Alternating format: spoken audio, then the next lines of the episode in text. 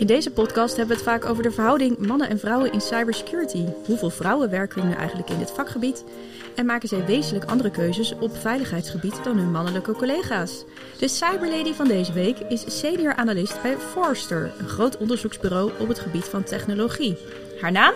Madeleine van der Hout. In haar werk gebruikt ze vaak zelanalogieën, want deze powervrouw is ook wereldkampioen Flying Junior en Europees kampioen, heb ik begrepen. Dus nou ja, echt bizar. Hoe navigeert zij door haar dagelijks leven? En moeten we ook in 2024 alle zeilen bijzetten als cybervrouwen? Of wordt dit het jaar van de cyberladies? Je weet het niet. Welkom Madeleine. Ja, dankjewel. Leuk om hier te zijn. Ja, fantastisch. Ik ben heel blij. Um, even kijken, wat, wat is Flying Junior? Ja, Flying Junior is een kleine tweemansboot. Uh, open zeilbootje, uh, 4 meter 20 als ik me niet vergis. En uh, daarmee zeil ik met mijn kapitein heel de wereld rond, zou ik zo zeggen. En, en, en daarmee ben je dus wereldkampioen? Ja, ja. Afgelopen jaar zijn we Europees kampioen geworden. ja, geworden. Dat was uh, op het Gardameer. En het jaar daarvoor hebben we op het Como-meer met elkaar gezeild. En zijn we wereldkampioen geworden. Wel een hele bijzondere ervaring. En uh, ontzettend gaaf. Hele gezellige en competitieve klassen. En um, ja, je ja. zit op een soort schilderij canvas uh, achter je. Uh, terwijl er heel veel wind staat en uh, het heel erg lekker weer is. En volle adrenaline door je lichaam giert. Um, ja, dan doen we zo'n vier wedstrijden per dag. je zit een werkdag op het water. En dan is het heel fijn als het resultaat is wat je hoopt. Ja, gewoon de winnaarsmentaliteit. Zeker, ja. zeker. Tweede, dan ben je toch de eerste van de verliezers. Oh, heerlijk dit. Ja, fantastisch. Hey, en uh, jij werkt bij Forster en je vertelde mij dat je dan ook zeilanalogieën gebruikt in je werk. Ja. Want ja, dat zeilen zit natuurlijk toch in je hart. Hè? Zeker. Ja, en, en noem er eens een paar. Ja, een van mijn favorieten is eigenlijk uh, muscle memory. Uh, wat we dus uh, ja, bij het zeilen veel trainen is ook wanneer je omslaat, dan moet je binnen no time weer, weer de boot recht hebben. En uh, daar zijn bepaalde handelingen voor nodig. Eigenlijk is hetzelfde wanneer je in een breach uh, zit of in een, uh, in een incident, cyberincident. Je moet weten wat je moet, doet, uh, moet doen. Dus mm -hmm. ook je rumboeken, heb ze ergens liggen, zitten ze niet in je systeem, want daar kan je niet bij. Maar wie bel je? Wie heb je nodig? Dat moet allemaal in je muscle memory zitten. Dus dat is echt een van mijn favorieten. Uh, want dat moet met zeilen ook. Maar ja. dat, en, en met heel veel topsporten uh, moet ja. je dat doen. Of gewone sporten. Of, Weet uh, wat je moet doen als je ja. in een incident raakt. Of in een situatie die je niet van tevoren had voorzien. Exact. Ja, exact. Gelijk en dan reageren. zijn er altijd onvoorziene zaken die je niet kan trainen. Maar er is zoveel wat in je muscle memory kan zitten. Ja. En, en, wat is uh, precies in je eigen woorden wat je doet bij Forster? Ja, ik ben onderzoeker. Um, dus ik doe heel veel onderzoek naar verschillende domeinen binnen cybersecurity. En daar schrijf ik rapporten over en uh, doe ik adviesgesprekken met bedrijven hoe zij gebruik kunnen maken van, van de adviezen die we schrijven. En een deel is gewoon echt uh, ja, hardcore onderzoek. En daarmee hopen we om toch het werkveld wat meer volwassen te maken. Uh, bekend maakt onbemind. Dus ook om meer bekendheid aan uh, problematiek te geven en, uh, en oplossingen te bieden. Ja, en, en, en welke onderzoeken hou jij je precies mee bezig? Ja, ik vind dat ik een van de leukste en mooiste domeinen heb. ik kijk heel erg naar leiderschap binnen cybersecurity. Uh, dus een van de dingen is hoe kan je nu een ja, echt uh, geoliede machine vormen. Uh, want de inrichting van je bedrijf heeft daar heel erg veel invloed op. En uh, uh, hoe je met elkaar samenwerkt, maar ook hoe je cybersecurity niet alleen op de werkvloer houdt, maar als uh, ja, echt de rode draad door je hele organisatie laat, laat lopen. Maar ook hoe, hoe, wat voor gesprekken heb je nou met je raad van bestuur of met senior management erover? Um, ook wat voor soort mensen heb je nu nodig binnen de organisatie. Dus er is natuurlijk wel een tekort aan cybersecurity specialisten. Maar het kan ook zijn dat je in een andere beroepsgroep juist kwaliteiten hebt die je nodig hebt binnen cyber. Waar je uh, mensen kan aantrekken in dit werkveld. Um, dus over transformationele CISO's bijvoorbeeld, of transformationele krachten binnen cybersecurity, wat een bedrijf nodig kan hebben. En uh, burn-out in cybersecurity is een onderwerp waar we nu heel veel onderzoek naar doen. Ja. En um, ja, dat is natuurlijk uh, heel zwaar, heftig onderwerp. Het mooie van dat onderzoek vind ik wel dat er uitkomt dat de mensen die helaas te maken krijgen met een burn-out, dat zijn eigenlijk allemaal tired rockstars. Dus de intrinsieke motivatie om in het werkveld te blijven en te werken en um, om je in te zetten voor het bedrijf dat is de grootste reden. Dus echt die, die betrokkenheid is zo ontzettend hoog. Ja, dat, dat zie je veel in, uh, in cybersecurity. Hè? De specialisten die gewoon zo intrinsiek gemotiveerd zijn... dat ze eigenlijk ook niet meer kunnen stoppen s'avonds. Dat ze denken, maar de volgende data breach ligt alweer op de loer... en de kwetsbaarheden, ja, die vliegen je om je oren... en je hebt de een nog niet gepatcht of de ander komt weer om de hoek kijken. Precies. Dus je, het werk stopt eigenlijk nooit. Nee, en wat het effect al kan hebben van... Uh, oké, uh, in plaats van de negatieve benadering... oké, er is nu iets aan de hand. Nee, maar we hebben al zoveel kunnen afwenden. En hey, dank je dat je er bent. En ook je dagdagelijkse werk doet ertoe. Uh, dat kan al zoveel invloed hebben op hoe mensen uh, de sfeer ervaren op de werkvloer of hoe ze überhaupt hun werk ervaren. Ja, en zetten jullie dat dan ook af tegen andere beroepsgroepen? Dus kun je dan zeggen, nou in security hebben mensen een hogere kans op burn-out dan in uh, bijvoorbeeld de zorg? Of? Dat is heel lastig, omdat het werk dusdanig anders is. We proberen daar wel naar te kijken van wat, wat is er anders. Um, uh, maar meer in hoe kunnen we dat meer kwantificeren of hoe kunnen we daar een parameter aan vastzetten. Want hoe je het went of keert, het krijgen van een burn-out, in welke beroepsgroep dan ook, is gewoon heel vervelend. En uh, ja, wil je voorkomen. Ja. Um, maar je ziet wel inderdaad wanneer uh, je kopje ondergaat in het werk. En het is nooit, want dat is ook wat ze aangeven. Hè? Het is nooit alleen werk. Het zijn meerdere facetten waardoor zoiets omhoog komt. Um, ja, hoe kan je iemand ondersteunen? Hoe kan je helpen? En hoe kan je ook ervoor zorgen dat wanneer het wel gebeurt, want soms is het onoverkomelijk, maar hoe kan je iemand de beste hulp en de beste zorg geven om er weer bovenop te komen? Ja. Want het betekent wel helaas dat uh, zeker een vijfde van, uh, van de mensen die binnen cybersecurity werken, die dit ervaren, uit cybersecurity willen. En met al een tekort aan specialisten is dat natuurlijk veel te hoog cijfer van, uh, ja. van mensen die helaas het werkveld willen verlaten. Ja, dus die werkdruk is ook gewoon een reden voor cyberspecialisten om uiteindelijk uit het werkveld te stappen. Zeker, ja. zeker. En um, er was een CISO uh, waar wij een interview mee hebben mogen doen. En die zei ook van ja, we zijn eigenlijk een soort landmacht. We zijn eigenlijk een soort, uh, soort uh, landmacht marine. We hebben one purpose. We hebben één doel. Um, daar werken we aan. Maar de landmacht is er ook niet alleen als er oorlog is. Of als er een incident is of een vredesmissie. Wij trainen en we zijn er ook als er niets aan de hand is. En wij worden daar, de landmacht wordt daarvoor gewaardeerd. En het was een Amerikaanse man, dus uh, ja, da, daar is uh, de army. Military, uh, ja, ja, ja. Heel groot.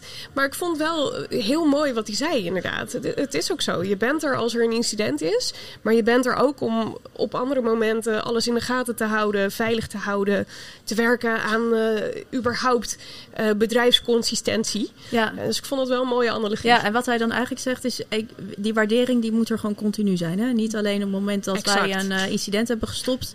Of uh, dat we een datalek hebben gemeld, maar gewoon continu. Exact. Ja, ja. Hey, en nou ja, dit, dit, deze podcast gaat natuurlijk over uh, vrouwen. Ja. En dus ik ben heel benieuwd welke onderzoeken Forster doet naar de man-vrouw verhoudingen in security. Ja, sowieso kijken we naar hoe de verhouding zich ontwikkelt over de afgelopen jaren. Dat gaat nog niet snel genoeg. Uh, dat is mijn persoonlijke mening ook. Maar uh, als je kijkt wereldwijd, nog geen 25% in het werkveld is vrouw. Uh, dat, is het, dat is natuurlijk een schrikbarend nummer. Mhm. Mm -hmm. um, maar ook hoe kunnen we daar wel voor zorgen? Of waar zien we de meeste instroom bijvoorbeeld vanuit vrouwen? Je ziet wel ook veel dat uh, career switchers zijn heel mm -hmm. veel vrouwen.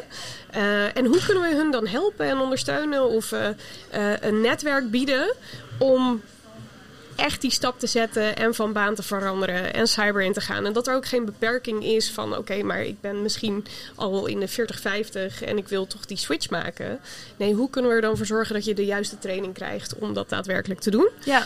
En een van de andere dingen die ik heel fascinerend vind, is bijvoorbeeld certificering. Mhm. Mm -hmm. Heel veel vacatures. Uh, uh, er staat in, nou, je moet wel vijf certificaten ja, hebben. al die afkoos, hè? Ja. Oh ja, echt. nou, mijn Sism, sisp, sisp, sis, sis, nou ja, whatever sis, ja. Ja, en zodra je die certificering hebt, zie je ook dat heel veel mensen die met trots voeren. Maar wat zegt het nu? Nou ja, een van de dingen die het wel zegt is wanneer je kijkt naar leiderschapsteams, eh, die vooral gedomineerd worden door mannen, met bijvoorbeeld één vrouw, dan zie je dat, er, dat, dat die vrouw de neiging heeft om zich veel meer te certificeren dan wanneer er nog een vrouw in dat leiderschapsteam zit. Dus dat, dat verschil is volgens mij, eh, als ik me niet vergis, hebben vrouwen in echt een volledig man gedomineerde omgeving 2,5 certificaat gemiddeld. En zodra er nog een vrouw bij komt, dus één vrouw, is het al uh, 1,9, zoiets. Oké, en hoe verklaar je dat dan? Nou ja, de, de, de, gesprekken die we hebben gehad, is het vooral dat ze zich willen wapenen met kennis. Hmm. Dus het is toch een soort bewijsdrang. Van ja. ja, maar ik weet waar ik het over heb. En uh, door aan te geven, ja, maar ik heb al deze certificaten, is het toch een soort bewijs van, ja, maar ik weet dus echt waar ik het over heb. Ja. Terwijl waar, waarvoor is dat nodig? Waarom hebben wij dat nodig? Uh, dus daar, doen we, daar zijn we nu ook momenteel een onderzoek naar aan het doen. En ik ben heel erg benieuwd ook juist naar die kwalitatieve verhalen van deze vrouwen. Wat daarachter schuilt. En ik, ik moet heel eerlijk zeggen, ik heb zelf ook die neiging heel erg uh, gehad. Ik ben echt cyber ingerold. Um, ik, ik, werkte helemaal niet binnen cybersecurity. Nee. En uh, bij toeval in, uh, ja, in cybersecurity terechtgekomen. Maar toen had ik ook een hele lange tijd uh, echt wel imposter syndroom. dat ik dacht, ja, maar waarom... Wat weet ik eigenlijk? Ja, ja, ja, ja, wa ja, waarom zit ik op deze plek? Wat ben ik eigenlijk aan het doen? Ik weet niet genoeg. Ja, misschien moet ik ook maar certificeren. Want dan heb ik toch dat die afkorting. Dan heb je een soort bewijs ook misschien inderdaad. Hè? Ja. Dat ze niet alleen maar af hoeft te gaan op wat je... Ja, ja, op je motivatie. Maar dat je kan bewijzen dat je echt gemotiveerd bent misschien. Ja, en een van de dingen die helaas ook wel eens gebeuren... is dat um, uh, mensen, of dames met name ook afgeschrikt... Uh, of afge... Uh, ja, het, mm -hmm. het schrikt af om... Um, in bepaalde IT-werkvelden te werken. Want een van de meeste benaderingen die ik uh, heb gehad bij andere bedrijven is van ja, uh, jij komt ook even kijken. Je bent jong, je bent een blonde meid. Zit je in events? Zit je in marketing? Uh, en de ook, vooroordelen zijn groot nog, hè? Ja, terwijl ik kom ook uit marketing en communicatie. Fantastisch werkveld. Uh, waarom, uh, waarom deze benadering? Is dat dan minder dan wanneer ik een technisch aspect? Want een van de zaken die ik juist uh, graag nog meer wil zien, is de marketing- en communicatiedames die cyber kunnen uitleggen. Want er zijn heel veel technici die dit niet kunnen uitleggen. Dus dat is echt een, een enorme skill. Ja, absoluut. Hey, nog heel even terug naar, naar het onderzoek over de man-vrouw verhouding. Jij ja. zegt net, Forster is een, ten eerste een internationaal bedrijf. Dus ja. jullie doen internationaal onderzoek. Yes. Dat moet er even bij vermeld worden. En jij zegt dus 25% wereldwijd um, is, is een vrouw binnen security. En dat betekent dat 75% dan man is. Klopt. Klopt dat? Ja. En heb je ook dan cijfers over hoe het in Nederland gesteld is?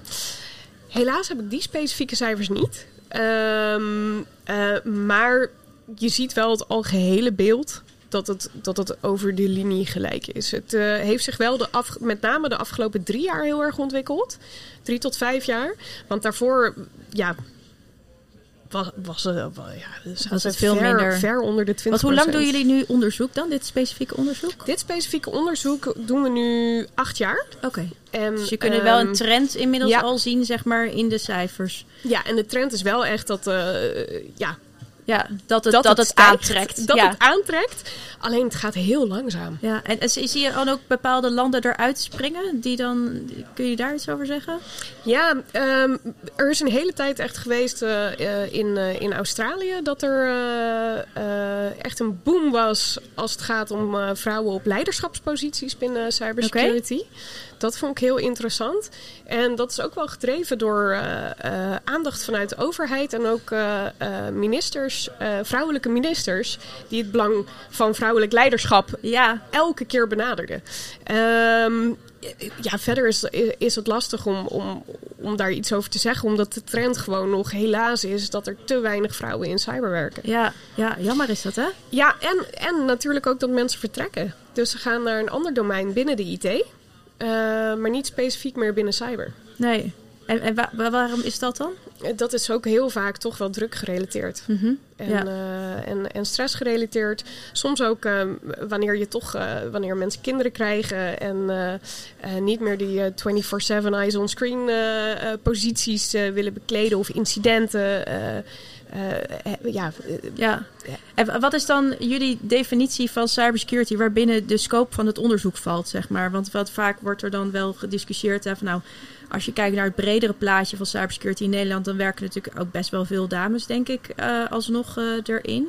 Als je kijkt naar het puur technisch aspect hè, van de ethisch hackers en incident Ja. responders, dan is dat toch meer mannenbolwerk. zeker. Wat is, wat is de scope van het Forrester-onderzoek? Die is heel breed. Ja. Dat, is, eh, dat zijn echt alle disciplines gelieerd aan cybersecurity. Ja. Nou, dat is dan alsnog best wel teleurstellend dan dat er Zeker. alsnog zo'n slecht cijfer uitkomt. Ja.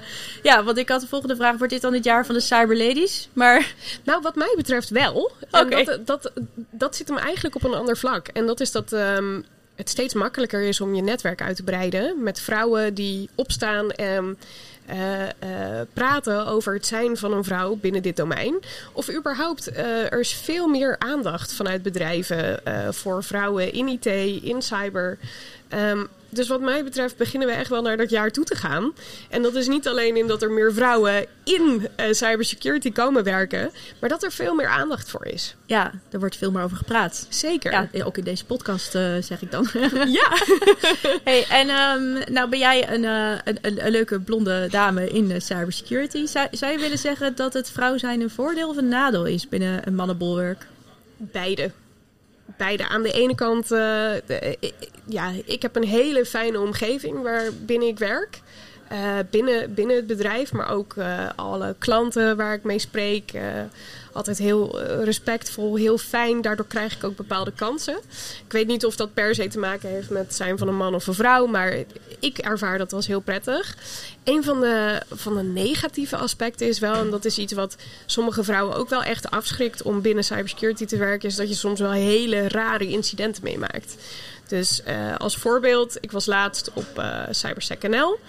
En ehm, toen De kwam er- conferentie? ja, Ja. conferentie in Nederland. En eh, toen kwam er een man naar me toe en die complimenteerde me eerst op mijn schoenen. En toen dacht ik, oh, nou, dat vind ik attent. eh weet Dankjewel. je, wa- dankjewel. Want er zijn ook heel veel mannen die dit tegenwoordig niet meer durven vanwege de hele hashtag MeToo-movement eh, en beweging.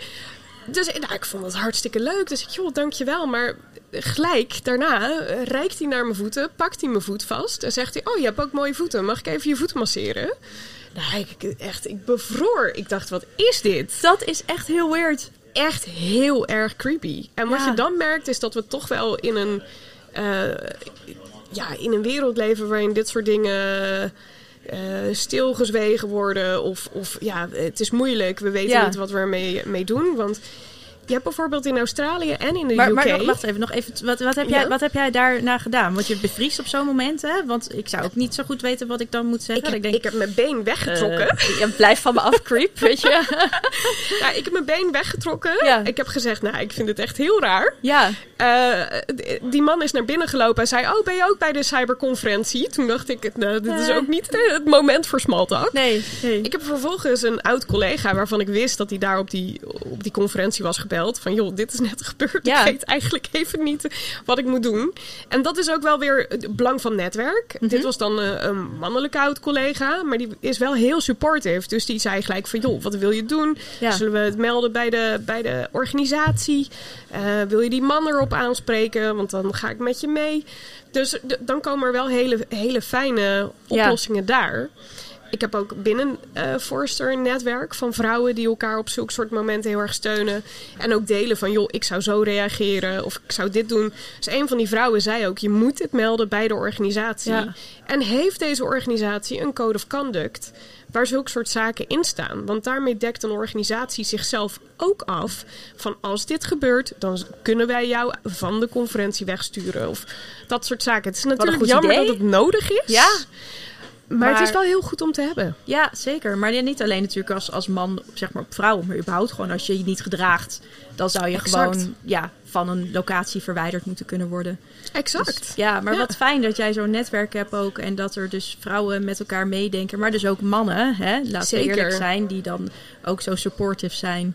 ehm, naar, naar ons toe om ons daarbij eh, te helpen. En ook het aandurven van andere mannen misschien daarop aan te spreken. Precies, precies. Zeggen, joh, eh, dat is gewoon echt geen goed idee. Het is niet oké. Ja, en, en, het is ook, want niet om iedereen over één kant te scheren natuurlijk. Want het is één rotte appel die erbij zit. Ja. Maar het, het is wel, ik heb ook een, eh, een collega die, uh, prachtige vrouw. Um, zij uh, is een Amerikaanse analist. jong, blond. Um, doet ontzettend goed onderzoek is op heel veel evenementen, spreekt daar, maar zij maakt ook hele rare dingen mee. Uh, en dat is toch altijd van, uh, van, van mannelijk publiek haar richting op. Um, ja, hoe ga je daarmee om? En, en, en wat kan je daarmee doen? En zij heeft ook, zij heeft gewoon een aantal zaken die ze zegt, maar ook uh, code of conduct, uh, je vrouwelijke peers opzoeken, het bespreken. En überhaupt dat we de mogelijkheid hebben om dit meer te delen. Het is super fijn om dat met mannelijke collega's ook te kunnen delen. Maar het is anders wanneer je het met iemand deelt die het ook zelf heeft meegemaakt. Of die zelf eh, in zo'n situatie heeft gezeten. Of uh, die ook de don'ts uh, vertelt. Hè? Ja. Dat vind ik ook heel fijn. Um, want achteraf dacht ik, nou, er zijn zoveel dingen die ik had kunnen zeggen. Van, nou, wat doe jij? Dat, doe eens normaal. Op maar... zo'n moment, weet je, bevries je gewoon. En ben je zo overvallen en zo flabbergasted dat je echt geen idee hebt wat je moet zeggen. Exact. Dus dat is, weet je, dat is natuurlijk heel vaak bij vrouwen die dat soort situaties meemaken. Hè, en die dan zichzelf achteraf schuldig voelen. denk ik, ik had anders moeten reageren. Ja. Ik had hè, veel meer van me af moeten bijten. Ja. Maar op zo'n moment ben je daar gewoon eigenlijk niet toe in staat. Exact. En het is zelfs zo dat je het, je gaat het uh, relativeren en doodredeneren ja. voor jezelf. Dus ik had later ook een gesprek uh, vanuit cybersecurity perspectief met iemand van de politie. En die zei, ja, maar waarom heb je eigenlijk geen aangifte gedaan? Nou, ik vond dat een hele heftige suggestie. Ja. Um, maar die zei van ja, je weet niet of deze persoon dit vaker doet, het alleen hier doet of binnen andere omstandigheden het ook doet. Maar dat is iets waar ik dus persoonlijk helemaal nog nooit over na had gedacht. Nee. Omdat het voor mij al veel te ver zou gaan van ja, iemand zit even aan je voet. Ja, maar dan maak je het alweer heel klein. En dit is natuurlijk een extreem voorbeeld. Ja. Maar een ander voorbeeld kan ook zijn wanneer iemand uh, jouw kennis uh, uh, in twijfel trekt. Ja. Van ja, maar hoezo kom jij vertellen ja. hoe dit zit. Uh, ik ga dat niet van je aannemen. Dat soort zaken. Dat zijn ook al kleine dingen die wel heel fijn zijn om met een netwerk te kunnen bespreken. En met name ook met andere vrouwen te ja. kunnen bespreken. Ja. Wat hun ervaring is. Ja, absoluut. Nee, dat is, uh, dat is super fijn. Um, Even, even nog wat anders, want je hebt hiervoor bij, uh, bij KPN gewerkt. Hè? Ja, je zei net al van ja, ik ben eigenlijk per ongeluk in security gerold. Je hebt marketing uh, gestudeerd Ja. in Leuven. Ja. Wat ik heel leuk vind. Ja. Want dat is gewoon niet zo gebruikelijk om daar over de grens te studeren. Ja, Dus jij bent in, uh, in, uh, in Vlaanderen gaan studeren, in België. Ja, ik heb eerst een HBO-opleiding gedaan, marketing, reclame, marketing, communicatie. En daarna wilde ik nog, de, toen heb ik ook in uh, Kopenhagen gestudeerd. Dus uh, echt fantastische tijd. Heel erg leuk om, uh, om daar te wonen en ervaring op te doen. En vervolgens wilde ik eigenlijk nog verder studeren. Nederlandse leersysteem is uh, net wat anders. Dus als je in een marketing-communicatiehoek hebt gezeten, is het wat lastiger om van een HBO-opleiding naar de universiteit te gaan. Uh, wanneer je iets anders wil doen dan marketing. En dat wilde ik ook heel graag. Dus ik wilde commercial sciences gaan doen. Dus dat is ook, ja, dat, het heet in het Belgisch handelswetenschappen. Mm-hmm. Combinatie tussen bestuurskunde, bedrijfskunde, stuk marketing, finance, uh, haveneconomie. Ja. Uh, dat, soort, uh, dat soort vakken. Um, ja, dus ik kon alleen naar België toe. Dus uh, het was deels Leuven, deels Antwerpen. En toen dacht ik daarna, nou, dan, dan ga ik, wat ga ik nu doen? Ja. En zo, zo kwam ik eigenlijk bij het traineeship van KPN. Uh, met name omdat zij daar zo'n enorme focus op je persoonlijke ontwikkeling hebben. Naast dat je verschillende domeinen kunt ontdekken waar je nou eigenlijk terecht wil komen. En ik wist dat op dat moment ook niet helemaal van, ja, ik weet dat ik in het bedrijfsleven iets wil doen. Ik weet ook dat ik naar een corporate wil. Maar wat, waar word ik nou, waar gaat mijn hart nou sneller van Ja. kloppen? Dus ik heb toen uh, binnen hun wholesale afdeling gezeten. En ik vond het de combinatie met dan echt die nadruk op je persoonlijke ontwikkeling, vond ik heel mooi. En uiteindelijk moest ik een nieuwe rotatie maken. En ik uh, zat toen net binnen het transformatiehuis van KPN. We waren net uh, ja, de zakelijke markt aan het transformeren. Nieuwe, nieuwe strategie, nieuwe richting. En ja, toen uh, ging, uh, ging die tak weg. Want ja, transformatie moet in de business landen. Dus was het tijd voor mij om iets nieuws uh, te zoeken. En toen kwam ik eigenlijk via die zakelijke markt in gesprek met Marcel van Oorschot. toen hij nog bij KPN zat. Hij was verantwoordelijk voor de cybersecurity afdeling. Het commerciële cybersecurity huis. En hij zei van, nou ik kan wel iemand met jouw profiel gebruiken. En toen zei ik ook van, ja, maar ik weet helemaal niets van cyber. En toen zei hij, ja, maar dat maakt niet uit. Want zolang jij wil we leren het je wel. We leren het je wel. We hebben allemaal specialisten. En ga vooral ook ontdekken welk domein je leuk vindt. Ja, zo gezegd, zo gedaan. Ja, nou bedankt Marcel. Zeker, zeker. voor voor uh, het, het, deze vrouw in cybersecurity ja. uh, brengen. nou, daar zijn we heel erg uh, dankbaar voor. Um, ja, en nu dan bij Forster inderdaad. Ja. En uh, nou, je bent nog hartstikke jong, je hebt nog heel wat jaren voor je liggen. Is er een organisatie, een, een, vakgebied waarvan je denkt, nou over tien jaar wil ik daar zijn? Dat is mijn stip op de horizon. Oeh, dat vind ik een hele lastige vraag. Ik ook. Daarom stel ik het bij jou, want ik heb geen idee. Sowieso um, heb ik het idee sinds ik, ik werk nu een jaar bij Forster. En ik heb het idee dat ik echt wel mijn werkveld. Nou, sowieso ben ik sinds ik in cyber ben gekomen zo enthousiast. Ik wil er nooit meer weg. Uh, en er zijn nog zoveel domeinen binnen cybersecurity ook die ik wil ontdekken, waar ik meer over wil weten. Ik weet dat ik echt wel de komende jaren heel erg wil groeien in mijn rol als analist. Ook omdat ik het zo mooi vind dat ik nu echt een bijdrage kan leveren om het veld volwassener te maken. Maar ook echt om bedrijven te helpen. En ik heb dan ook als doel om te kijken hoe kunnen we dan ook de consument helpen. Hoe kan ik ervoor zorgen dat mijn ouders, mijn vrienden, de vrienden of de ouders van mijn vrienden zich veiliger voelen, meer weten, weten hoe ze zich kunnen wapenen. Dus, dus dat is in eerste instantie het doel wat ik heb. Um, ja, wie weet dat ik uh, op een gegeven moment wel ook de stap wil maken om uh, zelf echt CISO te worden. Wanneer ik genoeg onderzoeken heb gedaan en, en een hele duidelijke. Ik heb wel een duidelijke visie over hoe je security programma eruit moet zien. maar dan ook die stap wil zetten om ervoor te zorgen dat een bedrijf dat ook op die manier gaat implementeren, ja. uitvoeren, doorontwikkelen. Ook heel belangrijk om te blijven doen. En heb je dan een organisatie waarvan je denkt, nou, daar zou ik echt heel graag CISO van zijn?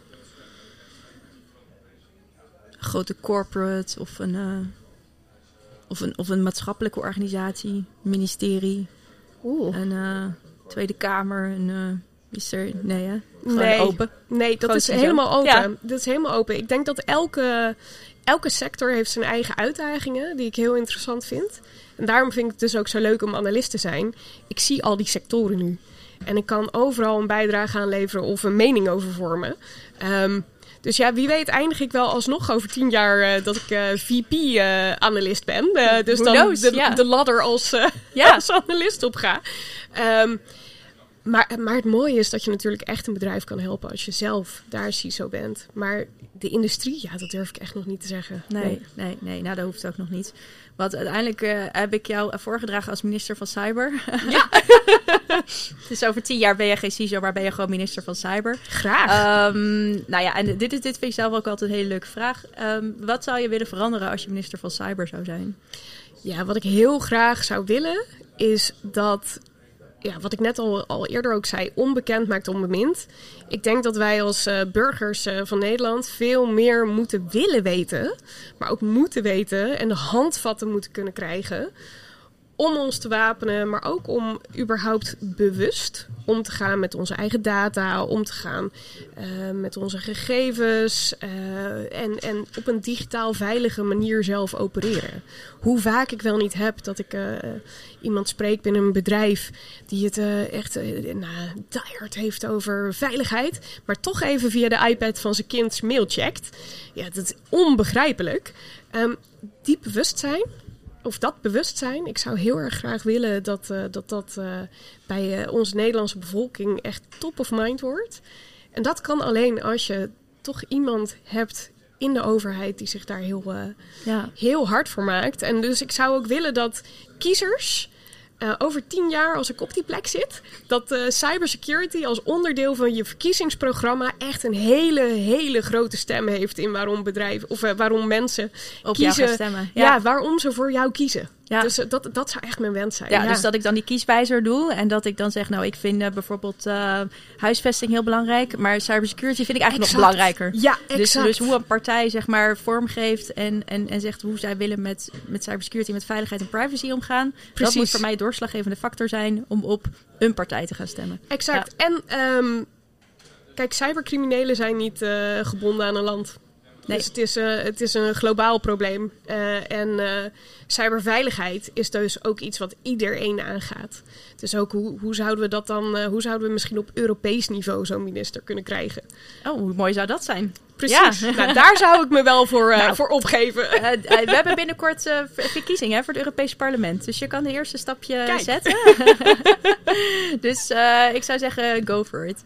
Ehm, tot slot, ehm, we eindigen altijd de podcast met de tips voor dames die geïnteresseerd zijn in een baan in security. Want nou ja, we willen die 25% omhoog krikken, moet minimaal naar 50, misschien wel naar 60, 70. Gewoon go for it. Ehm, welke tips zou jij willen geven aan dames die geïnteresseerd zijn in een baan in security? Wees niet bang om iemand een berichtje te sturen. Al is het een berichtje via LinkedIn of al is het via via of iemand die je weet. Het netwerk is groot. De cybersecurity wereld is eigenlijk heel klein binnen Nederland. Ehm, maar wees niet bang om een berichtje te sturen. Ook als je dit hoort en, eh, en je denkt, ja, eh, makkelijk gezegd, stuur mij een berichtje. En wie weet, ken ik weer iemand of kan ik jezelf helpen? eh, om te bepalen, weet je, welke richting je op kunt of wilt of wat er nodig is. Maar wees niet bang.